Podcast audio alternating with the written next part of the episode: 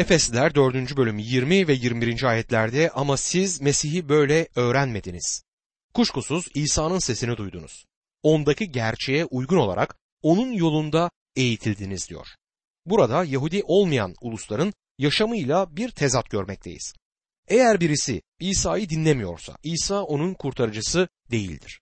Rab İsa çobandır ve onun koyunları onun sesini duyarlar. Onun sesini duymadıysanız o zaman onun koyunlarından biri de değilsiniz. Yahudi olmayan ulusları eski doğalarından değiştirecek olan nedir?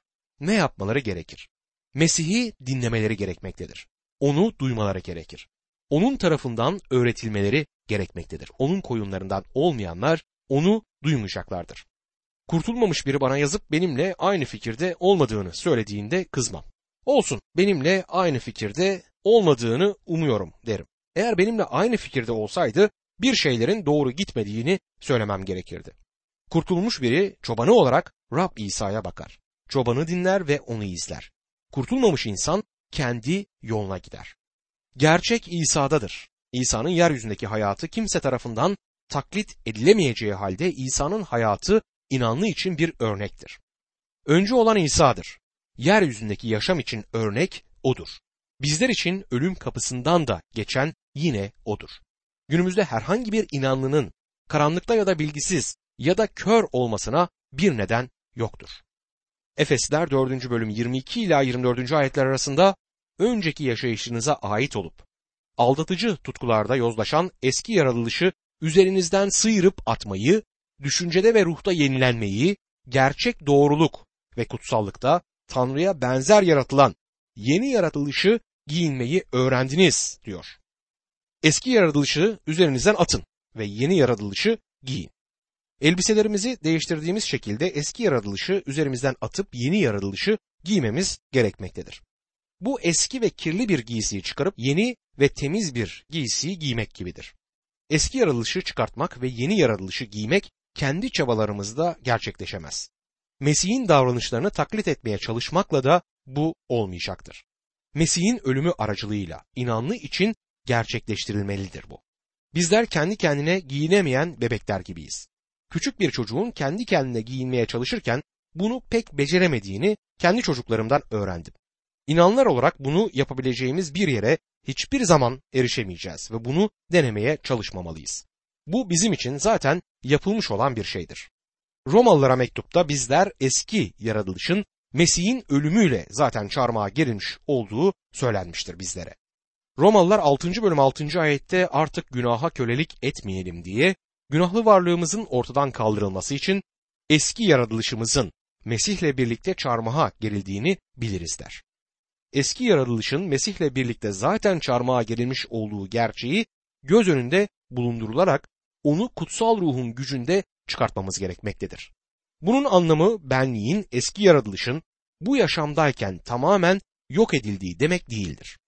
Eski yaratılıştan kurtulamayız ama onda yaşamamalıyız. Yani onun yaşamlarımızı yönetmesine izin vermemeliyiz. Diğer yandan yeni bir yaratılışımız var. Bu kutsal ruh aracılığıyla yeniden doğmanın sonucudur. Mesih'te olan herkes yeni bir yaratıktır. Bizlerin o yeni yaratılışta, o yeni adamda yaşamamız gerekir. Bu Romalıların harika mesajının bir tekrarıdır. Gerçek, doğruluk ve kutsallıkta Tanrı'nın benzerliğine göre yaratılmış olan yeni yaratılış. Bu bizlere bu doğruluğun Mesih'in bize sayılan doğruluğu olduğunu ve her şeyin Tanrı'nın kutsal karakterine göre yapılması gerektiğini gösterir.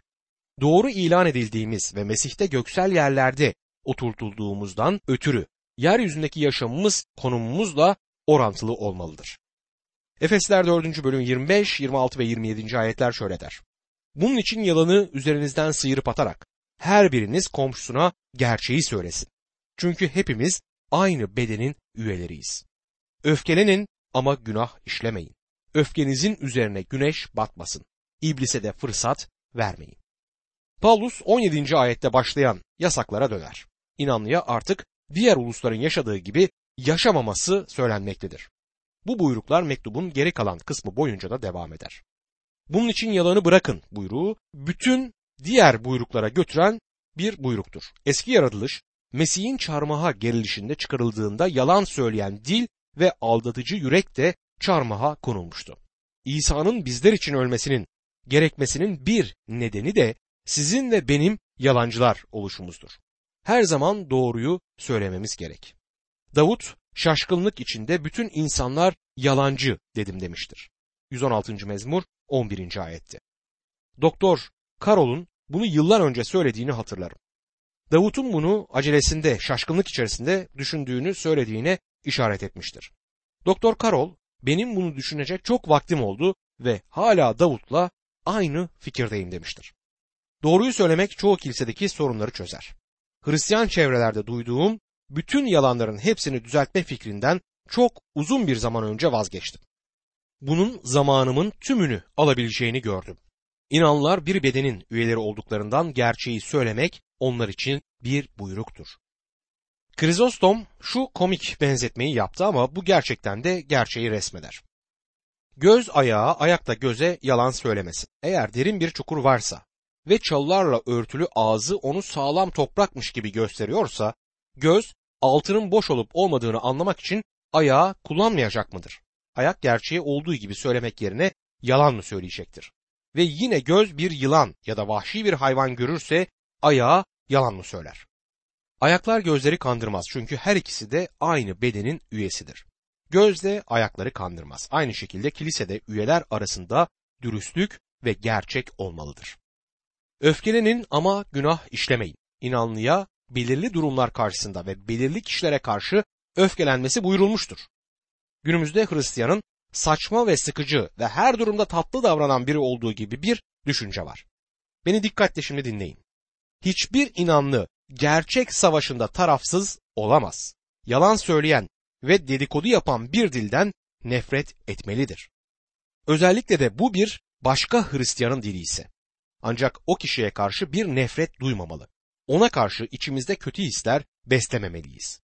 Kötülük inanlının hayatında olmaması gereken bir şeydir. 1. Petrus 2. bölüm 1. ayette bakın İncil bize ne söyler.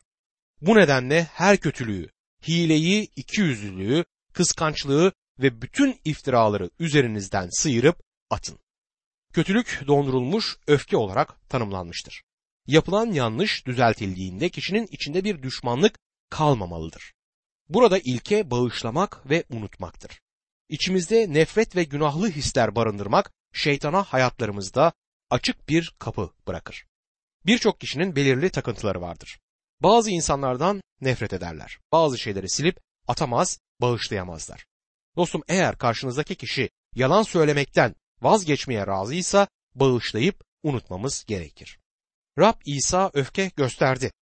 Sinagoga gitti ve orada felçli bir adam vardı. Onu öfkelendiren şey Ferisilerin kendisinin ne yapacağını görmek için o adamı oraya koymuş olmalarıydı. Markos 3. bölüm 5. ayet bunu anlatır. Şöyle yazıyor. İsa çevresindekilere öfkeyle baktı. Yüreklerinin duygusuzluğu onu kederlendirmişti. Adama elini uzat dedi. Adam elini uzattı, eli yine sapasağlam oluverdi. Rabbimiz böyle bir şey yaptıklarından ötürü ferisilere kızgındı. Ayrıca Tanrı'nın kötülere karşı bütün gün kızgın olduğu söylenir ama kötülüklerinden vazgeçip ona döndükleri an onları kurtaracaktır. İnanlının tutumu da bu olmalıdır. Birçok sorunu olan bir kiliseye gitmekte devam eden bir görevliden söz edildiğini duydum. Kilisede sorunlar, acılık, nefret ve küçük gruplar vardı.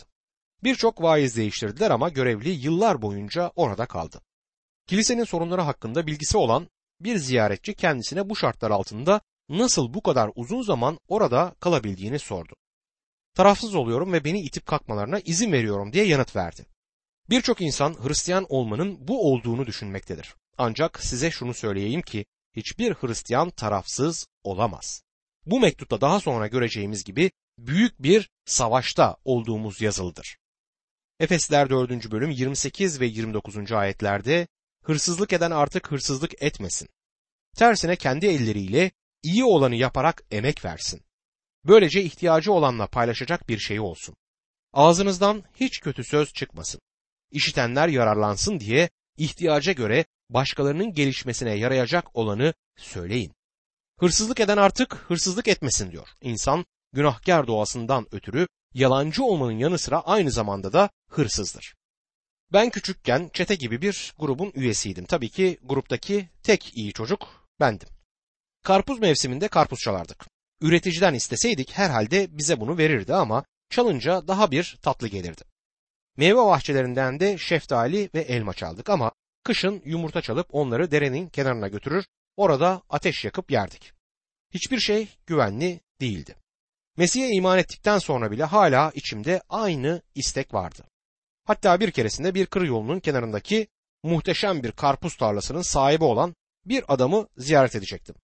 Karpuzlardan birini alma isteği içimde öylesine kabardı ki arabayı durdurup indim. Sonra bir dakika dedim kendi kendime. Bu adamı birkaç dakika sonra göreceğim ve bana bir karpuz verecektir. Bunu yapmama gerek yok diye düşündüm. Arabaya binip yoluma devam ettim. Kendisine olup bitenleri anlattığımda gülüp biliyor musun eğer o karpuz tarlasına girseydin herhalde seni vururdum. Karpuzlarımı çalmaya çok kişi geliyor ve bugünlerde karpuzlarım oldukça değerli dedi. Hırsızlık yapmak yüreklerimizde var olan bir şey. Bizler doğal olarak böyleyiz. Elçi Pavlus burada masum bir şeymiş gibi gözükse de artık hırsızlık etmememizi söylemektedir. Tersine kendi elleriyle iyi olanı yaparak emek versin. Böylece ihtiyacı olanla paylaşacak bir şeyi olsun diyor. İnanının kendi bencil amaçları için zengin olmaması gerekir. Bunun yerine fazla olan her şeyiyle başka insanlara yardım etmelidir. Günümüzde parasızlıktan fazla bir şey başaramayan ya da tamamen sona eren birçok Hristiyan hizmet bulunmaktadır. Neden? Çünkü birçok inanlı kendisi için zenginlik biriktiriyor ve vermesi gerektiği gibi vermiyor. Ağzınızdan kötü söz çıkmasın der. Bir inanlının ağzındaki kontrol dışı bir dil, yoz bir yaşamın indeksidir. Karanlık öyküler anlatan inanlar kötülük dolu bir yüreği ortaya koyar. Yüreğin kuyusundaki şey ağzın kovasıyla dışarı çıkmaktadır. İnanının konuşmaları diğer inanlara öğretmek ve onları yüreklendirmek amacıyla yüksek ahlak düzeyinde olmalıdır. Eğlenebilirsiniz ve hayattan zevk alabilirsiniz. Şakanın da bir yeri vardır ama şakalarımız ve fıkralarımız kirli ve pis olmamalıdır. Efesliler 4. bölüm 30. ayette Tanrı'nın kutsal ruhunu kederlendirmeyin. Kurtuluş günü için o ruhla mühürlendiniz der. Tanrı'nın kutsal ruhunu kederlendirmeyin. Kutsal ruh kederlendirilebilecek bir kişidir. Onu ne kederlendirir? Saydığım suçlar. İnanlı yalan söylediği zaman bu kutsal ruhu kederlendirir.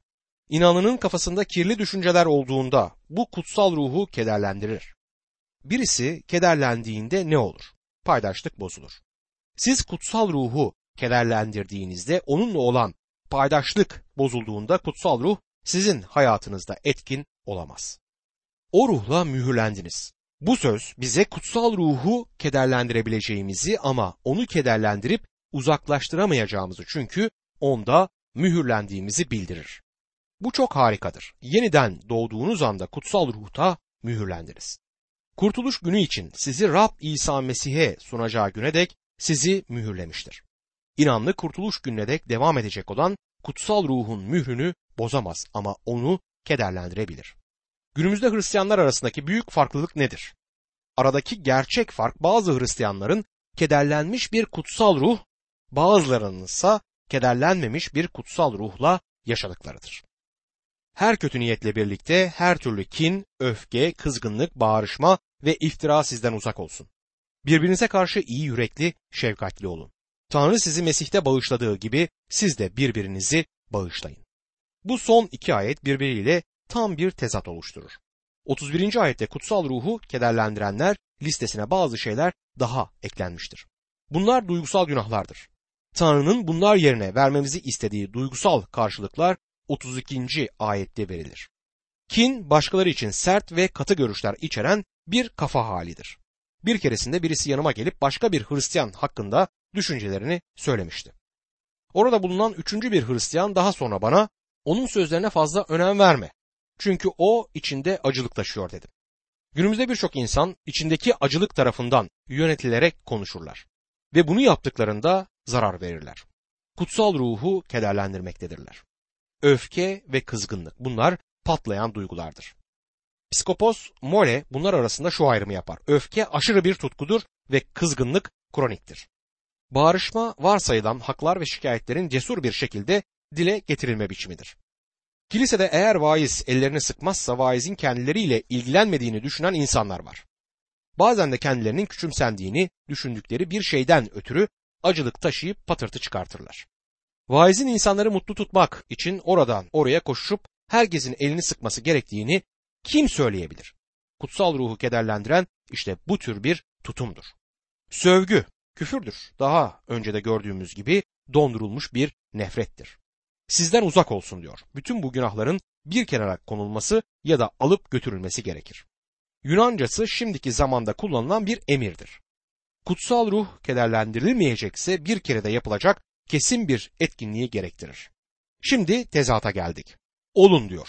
Bu söz inanlıda gerçekleşmesi gereken radikal değişiklikten söz eder. Öyle ki inanının yaşamında bir boşluk kalmamalıdır. Birbirinize karşı iyi yürekli sözü Hristiyan nezaketi anlamına gelmektedir. Şefkatli bundan daha kuvvetli bir sözcüktür. Derin ve yumuşak bir sevgiyle dolu olmak anlamına gelir. Bazı inanlar böyle. İnsana harikulade dostlar oluyorlar. Sizi gördüklerinde kollarını boynunuza dolarlar. Bir arkadaşımla birlikte üniversiteye sonra da ilahiyat fakültesine gittik. Sonra yıllar boyunca ona toplantılarda yardımcı oldum. Bir süre önce birbirimizi gördüğümüzde birbirimizin kollarına atıldık. Birbirimize karşı şefkatliydik. Birbirimizi Rab'de seviyoruz. Birbirinizi bağışlayın. Başka insanların hatalarını büyütecek yerde onları bağışlamalıyız. Tanrı sizi Mesih'te bağışladığı gibi diyor. Bütün bunlar çifte bir temel üzerinde yapılmalıdır. İlk olarak bu tür davranmak kutsal ruhu kederlendirmeyecektir. İkinci olarak bağışlamanın temeli yasa değil, lütuftur. Bu yasa altında verilmiş olan bir buyruk değildir. Mesih bizler için öldüğünden Tanrı'nın bizi bağışlayarak gösterdiği lütfu bu ayet temel alır. Bizler kendimiz bağışlandığımız için bağışlamamız gerekmektedir. Bağışlanmak için bağışlamalıyız. Tezata dikkat edin. Mesih dağdaki vaazda başkalarının suçlarını bağışlarsanız göksel babanız da sizin suçlarınızı bağışlar. Ama siz başkalarının suçlarını bağışlamazsanız babanız da sizin suçlarınızı bağışlamaz demiştir. Matta 6. bölüm 14 ve 15. ayetlerde. Bağışlamanın yasal temelini bu ayet bize bildirir. Burada bizlere Mesih bizler için öldüğünden Tanrı'nın bizleri Mesih uğruna affetmesinde sergilediği lütfu temel alarak bağışlamamız gerektiği söylenir. Bu da çok harika bir temelde uygulanması pratik olan bir buyruktur. Efesliler 5. bölümde bazı benzetmelerle karşı karşıyayız. Kilisenin bir gelin olacağı bu benzetmelerden birisidir. 4. bölümde kiliseye yeni yaratılış denilmişti ve şimdi de kiliseye gelin denilmektedir. Bu bölümde vurgu gelecektir. Kilise bir gelin olacaktır. Kilise günümüzde bir gelin değildir. Kilise dünyada yaşayan yeni bir yaratılıştır ve kilise Mesih'e nişanlanmıştır. Ama henüz onunla evlenmemiştir. Yani düğün henüz olmamıştır. Kilise Mesih gelip bizleri göğe aldıktan sonra onunla birlikte olan gelini olacaktır. Vahiy 21. bölüm 2 ila 9. ayetler arasında bu anlatılır. Şöyle yazar. Kutsal kentin yeni Yaruşlim'in gökten Tanrı'nın yanından indiğini gördüm. Güveyi için hazırlanmış süslü bir gelin gibiydi. Tahttan yükselen gür bir sesin şöyle dediğini işittim. İşte Tanrı'nın konutu insanların arasındadır. Tanrı onların arasında yaşayacak. Onlar onun halkı olacaklar. Tanrı'nın kendisi de onların arasında bulunacak. Onların gözlerinden bütün yaşları silecek. Artık ölüm olmayacak. Artık ne yaz, ne ağlayış, ne de ızdırap olacak. Çünkü önceki düzen ortadan kalktı. Tahta oturan işte her şeyi yeniliyorum dedi. Sonra yaz diye ekledi. Çünkü bu sözler güvenilir ve gerçektir. Bana tamam dedi. Alfa ve Omega, başlangıç ve son benim. Susayana yaşam suyunun pınarından karşılıksız su vereceğim. Galip gelen bunları miras alacak. Ben onun tanrısı olacağım. O da bana oğul olacak. Ama korkak, imansız, iğrenç, adam öldüren, fuhuş yapan, büyücü, putperest ve bütün yalancılara gelince onların yeri kükürtle yanan ateş gölüdür. İkinci ölüm budur. Son yedi belayla dolu yedi tası taşıyan yedi melekten biri gelip benimle konuştu. Gel dedi. Kuzuya eş olacak gelini sana göstereyim. Bizlerin bu dünyada gelin olacak biri gibi yaşamamız gerekir. Şimdi nişanlıyız. Elçi Pavlus Korintlere 2. Korintliler 11. bölüm 2. ayette bunu yazmıştır. Sizler için tanrısal bir kıskançlık duyuyorum. Çünkü sizleri el değmemiş kız gibi tek ere Mesih'e sunmak üzere nişanladım. Bir kız nişanlanıp düğüne hazırlanmaya başladığında başka erkeklerle vakit geçirmez ya da başka erkeklerle ilgilenmez. Bu gece Ahmet'le, yarın akşam Mehmet'le, öbür akşam Veli ile çıkmaz. Nişanlanmıştır ve artık başka erkeklere karşı ilgisi yoktur. Mesih'le nişanlanmış olan bizler nasıl olur da dünyanın yaşadığı gibi yaşayabiliriz? Bir gün Mesih'e sunulacağız. Sonsuzluk boyunca onunla yaşayacağız ve o bizim Rabbimiz ve Efendimiz olacak. Şimdi bu bölümün ana hatlarını size ileteyim. İlki kilisenin nişanıdır. İkincisi kilisenin deneyimi ve son olarak kilisenin beklentisi. İlk olarak kilisenin nişanını ele alalım. Efesler 5. bölüm 1 ve 2. ayetler şöyle yazar. Bunun için sevgili çocukları olarak Tanrı'yı örnek alın. Mesih bizi nasıl sevdiyse ve bizim için kendisini güzel kokulu bir sunu ve bir kurban olarak nasıl Tanrı'ya sunduysa siz de öylece sevgi yolunda yürüyün. Bunun için sözü bu bölümü inanlının yaşamının ele aldığı ve Hristiyan davranışı konusundaki buyruklarla devam eden bir önceki bölümle bağlantılıdır. Bütün bu buyrukların Mesih'e lekesiz ve kusursuz bir şekilde sunulacak olan kilise için kesin bir ilgisi vardır. Tamamıyla Mesih'in işi olan böylesine yüksek ve asıl bir hedef bu dünyadaki yaşamımızı pak bir şekilde sürdürmeye yönelten zorlu bir dinamiktir. Kutsal ruhun her inanlının içinde yaşadığını ve her inanlıyı mühürlediğini ama kutsal ruhu kederlendirmememiz gerektiğini öğrendik. 4. bölüm 31. ayette geçen şeyleri yaparsak kutsal ruhu kederlendiririz. Ama bu artık Tanrı çocuğu olmadığımız anlamına gelmez. Kurtulmamış dünyanın bizlerin Tanrı çocukları olduğumuza inanmayacağı anlamına gelir. Ancak bizler kurtuluş günü Tanrı'nın ruhunun kiliseyi Rab İsa'ya sunacağı gün için Tanrı'nın ruhu tarafından mühürlendik. Bu hedef bizleri pak davranışlara yöneltmelidir. İnanlı özellikle de bağışlama konusunda Tanrı'yı taklit eden olmalıdır. Tanrı'yı örnek alan olmalıdır. Ancak bu Hristiyan yaşamının her yönü içinde geçerlidir. Eskiden düşük bir düzeyde yaşayan diğer uluslar şimdi sevginin yüksek düzeyine çıkarılmışlardır. Şimdi kendilerine sevgili çocuklar denilmektedir. Yükseltildikleri sevgi düzeyi Mesih'in kendisini bizler için bir sunu ve bir kurban olarak verecek kadar severek sergilediği sevginin düzeyidir. Ve kendisini bizim için güzel kokulu bir sunu ve kurban olarak nasıl Tanrı'ya sunduysa sözü kesinlikle çarmıhtan söz eder. Mesih'in ölümünün bir suçlunun herkesin önünde ölüm cezasına çarptırılmasından öte bir şey olduğunu göstermektedir. Çarmıh Tanrı kuzusunun yanmış bir kurban olarak sunulduğu bronz sunaktı. Bu kurban dünyanın günahını yok eder. Mesih'i Tanrı'nın buyruğuyla eski antlaşmada sunulan her kurbanla özdeşleştirir. Bunların hepsi ona işaret ederdi. İnanlı Mesih'in çarmıhta bizim yerimize ölmesini göz önünde bulundurarak böylesine yüceltilmiş bir sevgi düzeyine çıkabilir. İnanlı kederlenmiş bir kutsal ruhla yaşayamaz. Çünkü ancak kutsal ruh onun hayatına bu meyveyi geliştirebilir. Sevginin Galatyalılar 5. bölüm 22. ayette yer alan ruhun meyvesi listesinde birinci sırada olduğunu hatırlamalıyız.